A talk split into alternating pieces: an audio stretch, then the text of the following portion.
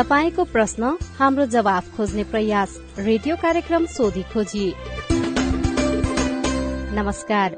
Radio कार्यक्रम सोधी खोजीमा तपाईंलाई स्वागत छ। म सजना तिमल सिन्हा। तपाई यो कार्यक्रम सामुदायिक रेडियो प्रसारक संघ अकुराबद्वारा संचालित सामुदायिक सूचना नेटवर्क सीआईएन मार्फत देशैभरिका सामुदायिक रेडियोबाट सुनिरहनु भएको छ। साथै सीआईएन खबर डट कम र मोबाइल एप सीआईएनमा पनि यो कार्यक्रम सुन्न सकिन्छ। आम नागरिकमा लक्षित कल्याण र समुन्नतिका लागि प्रजातान्त्रिक पद्धति अपनाई कानून बमोजिम संचालित कुशल पारदर्शी र जवाफदेही युक्त शासन प्रणालीलाई सुशासन भनिन्छ। सुशासनले विधिको शासनमा विश्वास गर्दछ। शासन सत्तामा रहेका व्यक्तिले देश र जनताको सेवकको रूपमा आफूलाई नबुझेसम्म सुशासनले मूर्त रूप लिन सक्दैन। अनि सुशासनमा सार्वजनिक सेवा प्रवाह गर्ने राज्य यसका निकाय र सिंगो प्रशासन तन्त्रले देश र जनताको भलाइका लागि काम गर्न निस्वार्थ रूपमा छिटो एवं छरितो सेवा प्रवाह गर्नुपर्दछ। तपाईँले ती सेवा कसरी पाइरहनु भएको छ? तपाईँका सवाल र सेवालाई नागरिक मैत्री बनाउन केही प्रश्न तथा जिज्ञासाहरू छन्? तपाईँले सीआईएनमा पठाएका तीनै प्रश्न जिज्ञासाको हामी जवाब सोध्नेछौं। तपाईँले गरेको प्रश्न सवाल हो। सवालको जवाब कसले दिन्छ? यी जम्मै सवालको प्रमुख जिम्मेवार को हो? हामी जिम्मेवार निकाय र व्यक्तिलाई सोध्ने मात्रै छैनौं त्यसको खोजी पनि गर्नेछौ। तपाईँको प्रश्नको उत्तर मात्रै खोज्ने छैनौं त्यसपछि त्यो सवाललाई टुङ्गोमा पुर्याउन के भइरहेको छ त्यसको पनि सोधी खोजी गर्नेछौ। हाम्रो टेलिफोन नम्बर शून्य एक बान्न साठी छ चार छमा फोन गरेर रेकर्ड गर्नुहोस्। यो नम्बरमा तपाईँले जुनसुकै बेला फोन गरेर आफ्नो प्रश्न जिज्ञासा गुनासा अनि समस्या रेकर्ड गर्न सक्नुहुनेछ। तपाई प्रश्न राख्नुहोस् हामी जवाफ खोज्नेछौ कार्यक्रम सोधी खोजीमा। देश संघीयतामा गएपछि सात सय त्रिपन्नवटा स्थानीय सरकार छन्। सात प्रदेश सरकार र केन्द्रमा संघीय सरकार छ। संघ प्रदेश र स्थानीय सरकारबाट सम्पादन हुने काममा ढिला सुस्ती छ। अनियमितता भएको छ नियम मिचेर कसैले काम गरेको छ भने तपाईँले ती गुनासा सीआईएनमा राख्न सक्नुहुनेछ। घर दैलोमा सरकार पुगेपछि नागरिकले प्रभावकारी सेवा पाउने अनि विकासको कामले प्राथमिकता पाउने आशा गरिएको थियो। के नागरिकले त्यही आशा अनुसारको सेवा पाइरहेका छन्? छैनन् भने ती प्रश्न पनि तपाईँले राख्न सक्नुहुनेछ। आज हामीसँग स्वास्थ्य शिक्षासँगै अरू विषयमा आएका तपाईँका प्रश्न अनि ती प्रश्नको जवाब छन्। सबैभन्दा पहिला स्वास्थ्यको प्रसंग नमस्ते मेरो नाम दिपा मगाई मेरो घर कापे मेरो नानी अहिले तिन वर्ष कि भई। मेरो नानीको जम्मा आठ केजी छ। कति केजी हुनुपर्छ? तिन वर्षको बच्चालाई अनि यसलाई कुपोषण भनिन्छ या भनिँदैन? यही नै हो मेरो प्रश्न। तपाईँको जिज्ञासा मेटाउँदै हुनुहुन्छ बालरोग विशेषज्ञ डाक्टर लव कुमार शाह।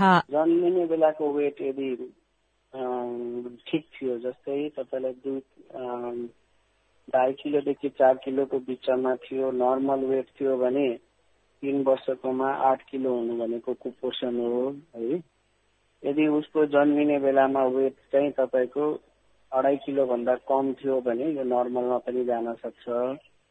उसले उहाँले चाहिँ के गर्नुपर्छ भन्दाखेरि नजिकैको स्वास्थ्य केन्द्रमा गएर उसको बच्चाको वेट हाइट अनि यो किन कुपोषणतिर गइरहेछ भने चाहिँ उहाँले डाक्टरसँग सम्पर्क गरेर यसको समयमै यसलाई चाहिँ उपचार गर्नुपर्छ। खासमा शिशुहरूमा बच्चाहरूमा यो कुपोषण के कारणले गर्दा देखिन्छ? पहिलो कुरा त कुपोषण हुने कारण मध्ये त अब खानपिन नै नपुग्नु हो। उमेर अनुसारले तपाईँलाई समयमा जस्तै बच्चाहरूलाई छ महिनासम्म तपाईँको एक्सक्लुसिभ ब्रेस्ट फिडिङ होइन स्तनपान गराउनु पर्छ त्यसपछि छ महिना पुगिसकेपछि समयमै त्यसलाई चाहिँ विनिङ गर्नुपर्छ। विनिङ भनेको चाहिँ हामीले पूरक खाना चाहिँ सुरु गर्नुपर्छ होइन? त्यो नगरेपछि होइन उसलाई चाहिने मात्रामा प्रोटिन प्रोटिन क्याल कार्बोहाइड्रेट र फ्याटको सन्तुलित खाना पाएन फलफुलहरू पनि पाएन भने उसको बढ्नुपर्ने उमेर बढ्दैन। कुनै पनि बच्चा नर्मल जन्मेको छ भने उसको छ महिनामा गएर डबल वेट हुन्छ रफली तिन एक वर्षमा गएर तिन टाइम हुन्छ थ्री टाइम्स दुई वर्षमा गएर चार टाइम हुन्छ। उसको जन्म बर्थ वेट चाहिँ हामीलाई थाहा नभएको भएर ठ्याक्कै कुपोषण भन्न सक्दैन तर नर्मल वेट थियो भने चाहिँ उसको हिसाबले चाहिँ त्यो हिसाबले कुपोषण हो। उहाँको बच्चाको वेट कम्तीमा पनि तपाईँलाई चौध किलो जति हुनु पर्थ्यो। त्यही भएर चाहिँ अब फोनबाट चाहिँ यो अब ठ्याक्कै भन्न चाहिँ बर्थ वेट थाहा भएको भए भन्न सकिन्थ्यो तर बर्थ वेट उहाँको नर्मल रेन्जमा थियो भने चाहिँ त्यसलाई चाहिँ कुपोषणै भन्छ। अनि अरू त्यसमा कारणहरू चाहिँ अब खानपिन बाहेक चाहिँ इन्फेक्सन हुने होइन टाइम टाइममा बच्चा बिरामी भइरहने त्यसपछि गएर रुगाखोकी लागेर क्षयरोग जस्तो देखियो भने पनि त्यहाँबाट पनि भयो र आमा बुवालाई कहीँ एचआइभी अथवा हेपाटाइटिस बीहरू छ र त्यो बच्चामा पनि संक्रमण भएको छ भने त्यसले गर्दा पनि वजन कम हुन्छ। यी सबै केही छैन अरू कुनै रोगहरू छैन खानपिन छैन भनेपछि मेन कुरा चाहिँ खाना सन्तुलन मात्रामा नपाएरै कुपोषण हुन्छ। त्यसबाहेक अरू इनबर्न इरर अफ मेटाबोलिजमहरू छ ग्रोथ हर्मोनको डिफिसियन्सीहरू छ यिनीहरू चाहिँ रियर हो होइन? तर मोस्ट कमन चाहिँ खानपिनकै सन्तुलन मात्रामा नभएर कुपोषण हुने देखेको छ हाम्रो नेपालमा अनि सँगसँगै दोस्रो नम्बरमा चाहिँ इन्फेक्सन आउँछ। यसरी तपाईँले सुरुमा छ महिनासम्म आमाको दुध खुवाउनु पर्छ भन्नुभयो तर आमाको दुध नआएको खण्डमा शिशुलाई के खुवाउन सकिन्छ? आमाको दुधै नआउने कुरा भन्ने कुरा चाहिँ अब उहाँको उमेर एकदमै अब के भन्छ रिप्रोडक्टिभ एज होइन भने चाहिँ मात्रै हुन्छ होइन? प्रायः जस्तो चाहिँ हाम्रो समाजमा चाहिँ के छ भने आमाले आफै मेरो दुध कम भयो भनेर फर्मुला फिडिङ सुरु गरिदिनुहुन्छ होइन? युजली चाहिँ धेरै जसोमा चाहिँ उहाँहरूले सम्पर्कै गर्नुहुन्न चाहे गाइनोकोलोजिस्टलाई चाहे बच्चाको डाक्टरलाई सम्पर्कै नगरिकन आफू खुसी नै आमाको दुध आएन भनेर सुरु गरिदिन्छन्। प्रायः जसो आमाको दुध चाहे नर्मल होस् चाहे सेजेरियन सेक्सन गरेर बच्चा जन्मेको तिनदेखि चार दिनमा बल्ल गएर तपाईँको दुधको मात्रा बढ्छ। सुरुको दिनमा पनि आउँछ त्यसलाई कोलेस्ट्रोम भन्छ। र पछि गएर चाहिँ बढ्दै जान्छ। र त्यस अनुसारले चाहिँ अब आमाले त्यस अनुसारले खाना खानु पर्यो होइन? जो झोलिलो कुराहरू खाएपछि बल्ल गएर तपाईँको दुधको मात्रा पर्याप्त हुन्छ। खाना नखाइदिने होइन? नर्मल मान्छे जस्तो खाना खाइदिने तर उहाँ त प्रेग्नेन्ट भइसकेर बच्चाको मदर भइसकेपछि खानाको मात्रा पनि बढाउनु पर्ने हुन्छ। त्यो चाहिँ नबढाएपछि आमालाई बच्चालाई चाहिने पर्याप्त दुध देख्दै पाउ आउँदैन र त्यो नआएपछि चाहिँ तपाईँको उहाँहरूले अब आफै आफै नै स्वर सोचेर मेरो दुध चाहिँ कम भयो। तर अनि त्यसपछि फर्मुला फिडिङ गरिएको देखिएको छ समाजमा। अब आउँदै आएन डाक्टरले पनि गर्दाखेरि पनि कोसिस गर्दा पनि आएन भने चाहिँ खुवाउने त जुन बजारमा पाइन्छ फर्मुला फिडिङ त्यही नै खुवाउने हो। उमेर अनुसारले जुन उपयुक्त हुन्छ त्यही खुवाउने के कस्ता खानेकुराहरू चाहिँ खुवाउँदाखेरि उनीहरूलाई तन्दुरुस्त राख्न सकिन्छ? त्यो सुझाव पनि दिनुहोस् न।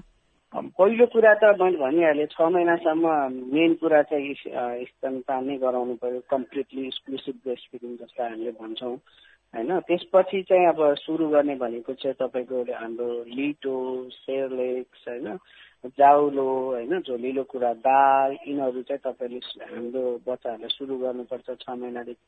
वर्ष दिनसम्म चाहिँ कुनै पनि एनिमलको दुध दिनु हुँदैन भन्छौँ हामी चाहिँ।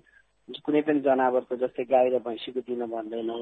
वर्ष दिन कटिसकेपछि बल्ल उसलाई चाहिँ भैँसीको दुध सुरु गर्न भन्छौँ र दुई वर्ष पुगेपछि बल्ल गाईको दुध दिन भन्छौँ र कुनै बच्चालाई एकदमै धेरै एलर्जी भइरहेको छ भने चाहिँ हामीले गाईको दुध अलिकति छिटै पनि सुरु गरेर त्यस्तो पनि प्र्याक्टिस गरिएको देखिएको छ अहिले स्टडीहरूले त्यसरी देखाएको छ। अरू कुरा चाहिँ क्रमशः तपाईँको मेन कुरा चाहिँ के बुझ्नु पर्यो भन्दा कार्बोहाइड्रेट प्रोटिन र फ्याट यो यसको मात्रा चाहिँ सन्तुलित हुनुपर्छ खानेकुरामा। त्यो चाहिँ ध्यान दिनुपर्छ। चाहे त्यो अब बच्चालाई कसरी खुवाउने भन्दा कुरामा चाहिँ त्यसलाई चाहिँ ध्यान दिनुपर्छ र सम्बन्धित नजिकको पिडियाट्रिक डाक्टर साहबहरूलाई भेटेर आफ्नो बच्चालाई के खुवाउँदा हुन्छ भनेर एउटा डाइटको त्यो बनाइदिँदा पनि भयो र जेनरली हाम्रो समाजमा खुवाउने भनेको चाहिँ लिटो सेरलेक्स दाल खिचडी हलुवा होइन फलफुल यिनीहरूलाई चाहिँ बिस्तारै क्रमशः उमेर अनुसारले बढाउँदै जाने र खाना दिँदै जाने त्यही नै गर्ने हो। दालहरूमा घिउ हाल्ने होइन? यसरी चाहिँ हेर्दै जाने र समय समयमा जुन खोप केन्द्रमा जान्छ नि बच्चाहरू खोप लगाउन त्यति बेला चाहिँ उसको वेट गराइराख्ने र स्वास्थ्य कर्मीसँग सम्पर्कमा मेरो बच्चाको उमेर अनुसारले वेट बढेछ कि छैन भनेर चाहिँ जानकारी लिइरहनु चाहिँ उपयुक्त हुन्छ। दुध गाईको दुध भैँसीको दुध एक वर्षसम्म खुवाउन नहुनु कारण चाहिँ के होला? यसले चाहिँ तपाईँको एनिमल मिल्क दिनु हुँदैन भन्छ। किनभने यो पाचन शक्ति नै त्यो अनुसारले बनिसकेको हुँदैन पाचन प्रणाली। र गाईको दुध चाहिँ किन दिनु हुँदैन भन्दा यसमा चाहिँ आइरन प्रोफाइल कम हुन्छ। र यसले गर्दाखेरि एनिमिक झन् त्यसै आइरन डिफिसियन्सी एनिमिया हुन्छ प्रायः जसो। त्यसमा पनि झन् यसले चाहिँ तपाईँलाई आइरन झन् कम गराइदिन्छ। अर्को चाहिँ काउ मिल्क एलर्जी एकदमै धेरै देखिन्छ बच्चाहरूमा। त्यसले गर्दाखेरि पनि सकेसम्म दुई वर्षसम्म नदिनु भन्छ गाईको दुध सकेसम्म। अब कसैको केही उपाय लागेन भने सुरु चाहिँ गर्छन् कोही कोहीले होइन? तर सकेसम्म चाहिँ अभोइड गरेको राम्रो त्यो चाहिँ। शिशुको तौल र कुपोषणसँग सम्बन्धित प्रश्नको जवाफ दिँदै हुनुहुन्थ्यो बालरोग विशेषज्ञ डाक्टर लवा कुमार शाह। नमस्कार म कोशी गाउँपालिका दुई सन्चरीबाट महाशङ्कर शाह। मेरो घर छेउको दुई कट्ठामा छिमेकीहरूले छेउबाट तिनतिरबाट बाँसको झ्याङ लगाइदिँदा छाया नै छाया छ केही बाली उब्जिँदैन। अनि यहाँ मैले प्रश्न गर्नु मेरो प्रश्न यो छ कि कुनै यो वनस्पति विज्ञ बाली विज्ञसँग कि त्यस्तो छाया भएको ठाउँमा कुन बाली वा के लाउँदा चाहिँ त्यो जग्गाले उपयोगमा ल्याउन सकिन्छ? त्यो जग्गा मेरो प्रयोगविहीन भएको छ। प्लिज यो कसरी प्रयोगमा ल्याउने भनेर कुनै विज्ञसँग सोधेर मेरो प्रश्नको जवाब दिनुहोला। धन्यवाद। हामीले कृषि विज्ञ डाक्टर सुरेन्द्र श्रेष्ठलाई तपाईँको प्रश्न सुनाएपछि उहाँको जवाब छ। हजुर जुन अहिले तपाईँले प्रश्न राख्नु भएको छ होइन अब यो बाँसको झारी जहाँ चाहिँ छाया परिरहेको छ त्यहाँ के खेती गरौँ भनेर अब कुरा चाहिँ अलिक स्पष्ट भएन। यो चाहिँ तराईमा हो कि मध्य पहाडमा हो कि उच्च पहाडमा हो होइन? अब तराईमा हो भनेदेखि चाहिँ हामीले त्यस्तो ठाउँमा यो छायामा हुने छायामा हुने बालीहरू लगाउन सकिन्छ। जस्तै चाहिँ छायामा हुने बाली भन्दाखेरि चाहिँ यो यो बेसार भयो।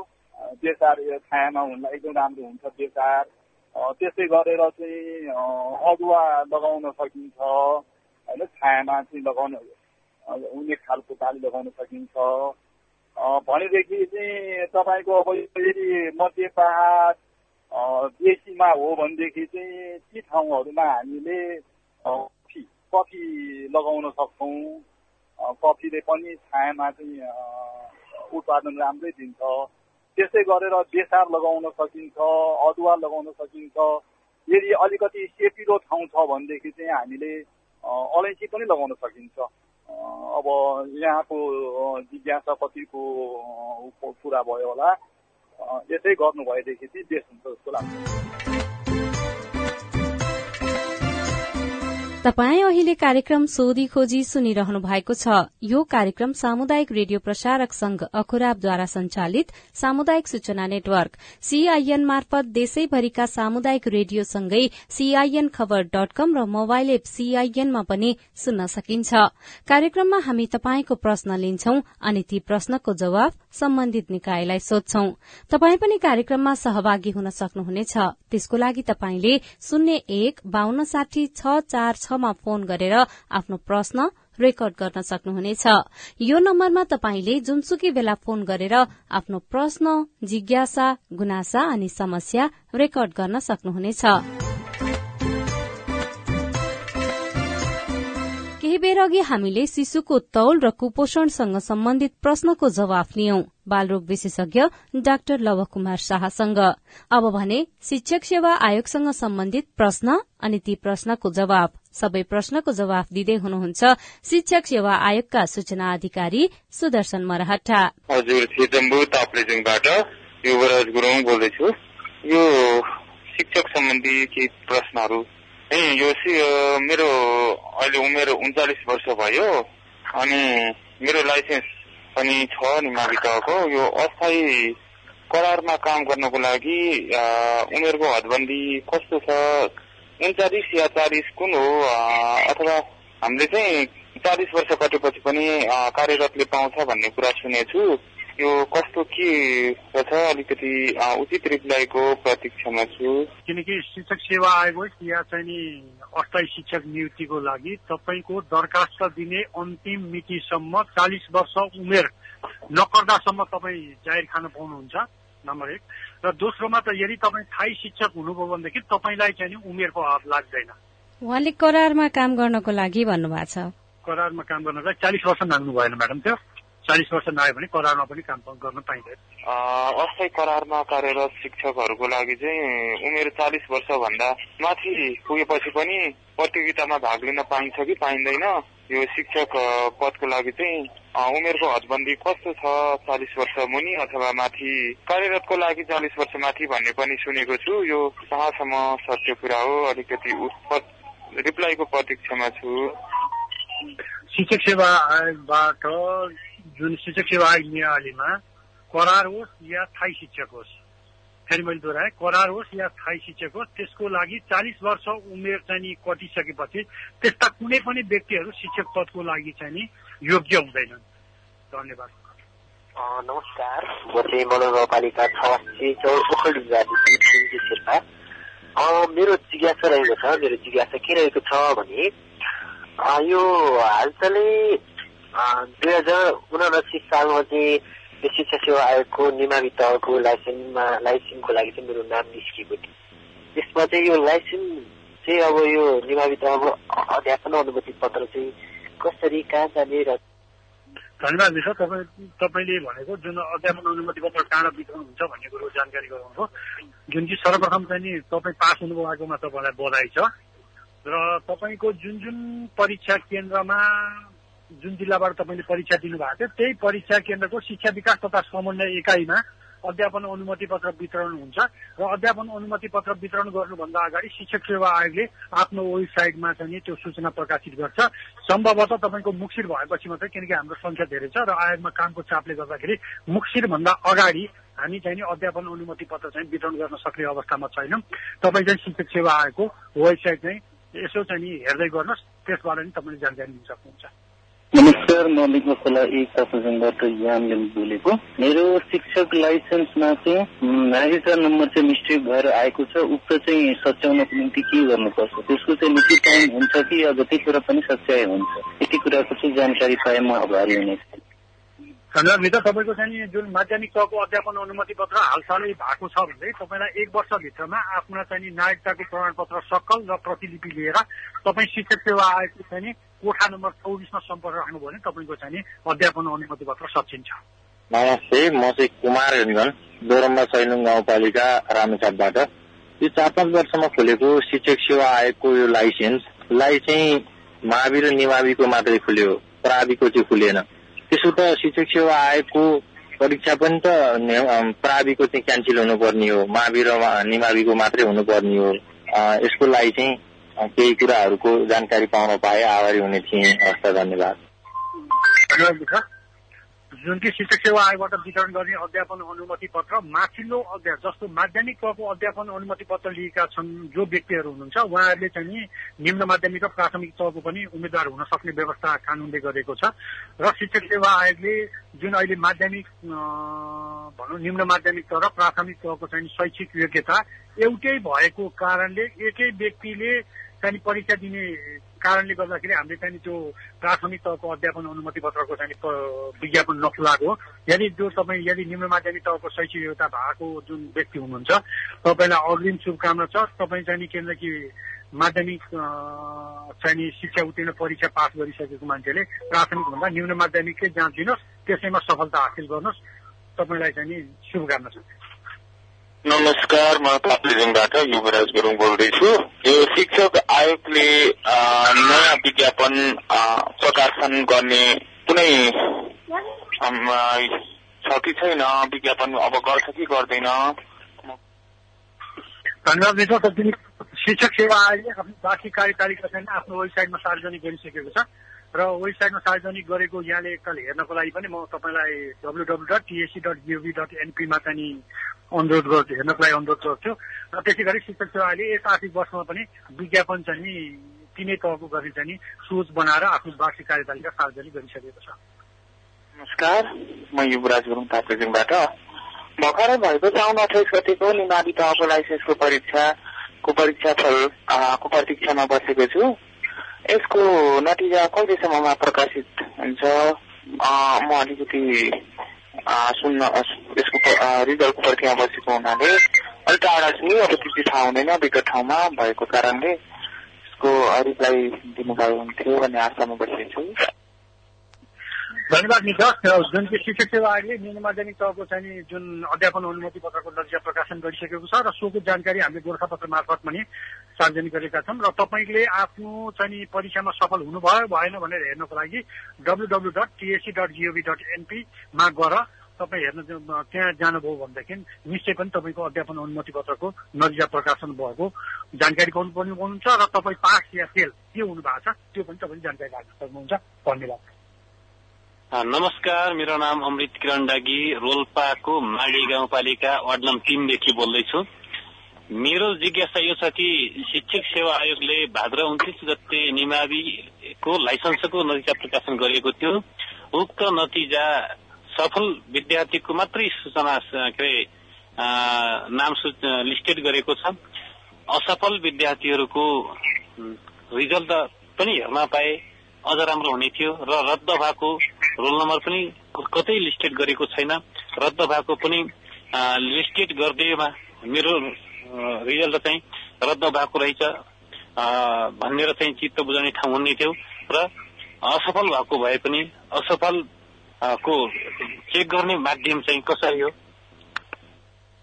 धन्यवाद मित्र तपाईँको प्रश्नको लागि।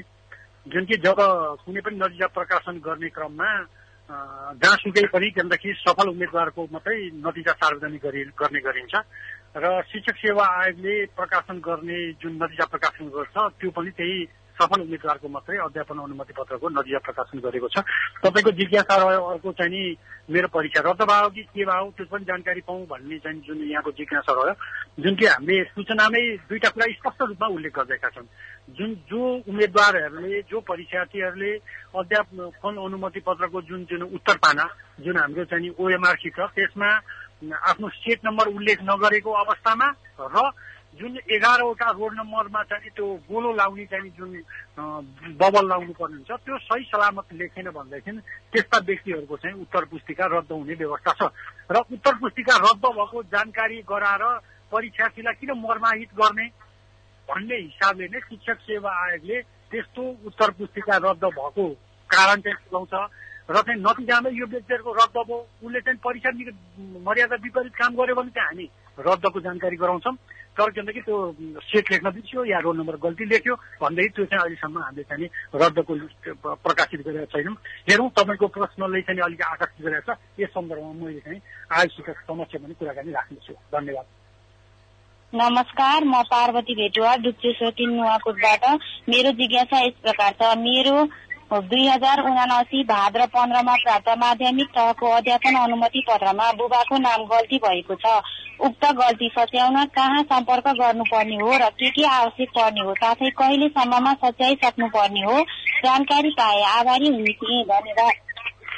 धन्यवाद हामीले शिक्षक सेवा आयोगले माध्यमिक तहको अध्यापन अनुमति पत्रको नतिजा प्रकाशन गरेपछि जो व्यक्तिहरूको आफ्नो नाम नामेसी विवरणहरू नाइटा नम्बरहरू जो चाहिँ बिग्रेका छन् पन्ध्र दिनको समय सच्याउने म्याद राखेको कुरा यहाँले चाहिँ जुन नतिजा प्रकाशनको सूचनामै हेर्न हेर्नु भएको थियो पनि होला।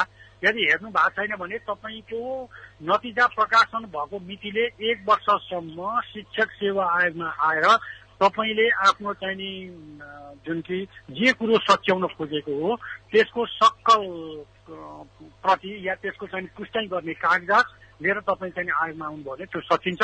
तपाईँ चाहिँ नद्य प्रकाशन भएको मितिले एक वर्षभित्र चाहिँ शिक्षक सेवा आयोगमा आएर आफ्नो चाहिँ नि बुवाको नाम सच्याउनको लागि म अनुरोध गर्दछु। मेरो नाम बेगमसा देवकोटा हो। मेरो घर रुकुम पश्चिम कर्णाली प्रदेशमा पर्छ। हालै मेरी छोरीले कर्णाली प्रदेश सुर्खेतबाट लिएको निमावी तहको हालै दुई हजार उनासीको शिक्षक अध्यापन अनुमति पत्रमा उत्तीर्ण गरेकी छ। नतिजा प्रकाशनमा आमाको नाम अन्जु केसी हुनुपर्नेमा मन्जुर केसी भएको छ। यो सच्याउन के गर्नुपर्छ र कहाँ सम्पर्क राख्नुपर्छ? सच्याउनको लागि के के कागजात चाहिन्छ? प्रष्ट पारिदिनु होला। धन्यवाद। प्रश्नकर्ता मित्रलाई। जुन कि हाम्रो अध्यापन अनुमति पत्र जो शिक्षक सेवा आयोग नियावली अनुसार चाहिँ नि जुन हाम्रो अनुसूची दुईमा अध्यापन अनुमति पत्रमा बुवाको नाम र सम्बन्धित व्यक्तिको मात्रै विवरण भर्ने छ। तपाईँ त्यो आमाको नाम चाहिँ बिग्रियो भनेर त्यसमा चिन्ता नलिनुहोस्। त्यसलाई चाहिँ सच्याइरहनु पर्दैन। तपाईँको त्यो अध्यापन अनुमति पत्रमा आमाको नाम उल्लेख हुँदैन।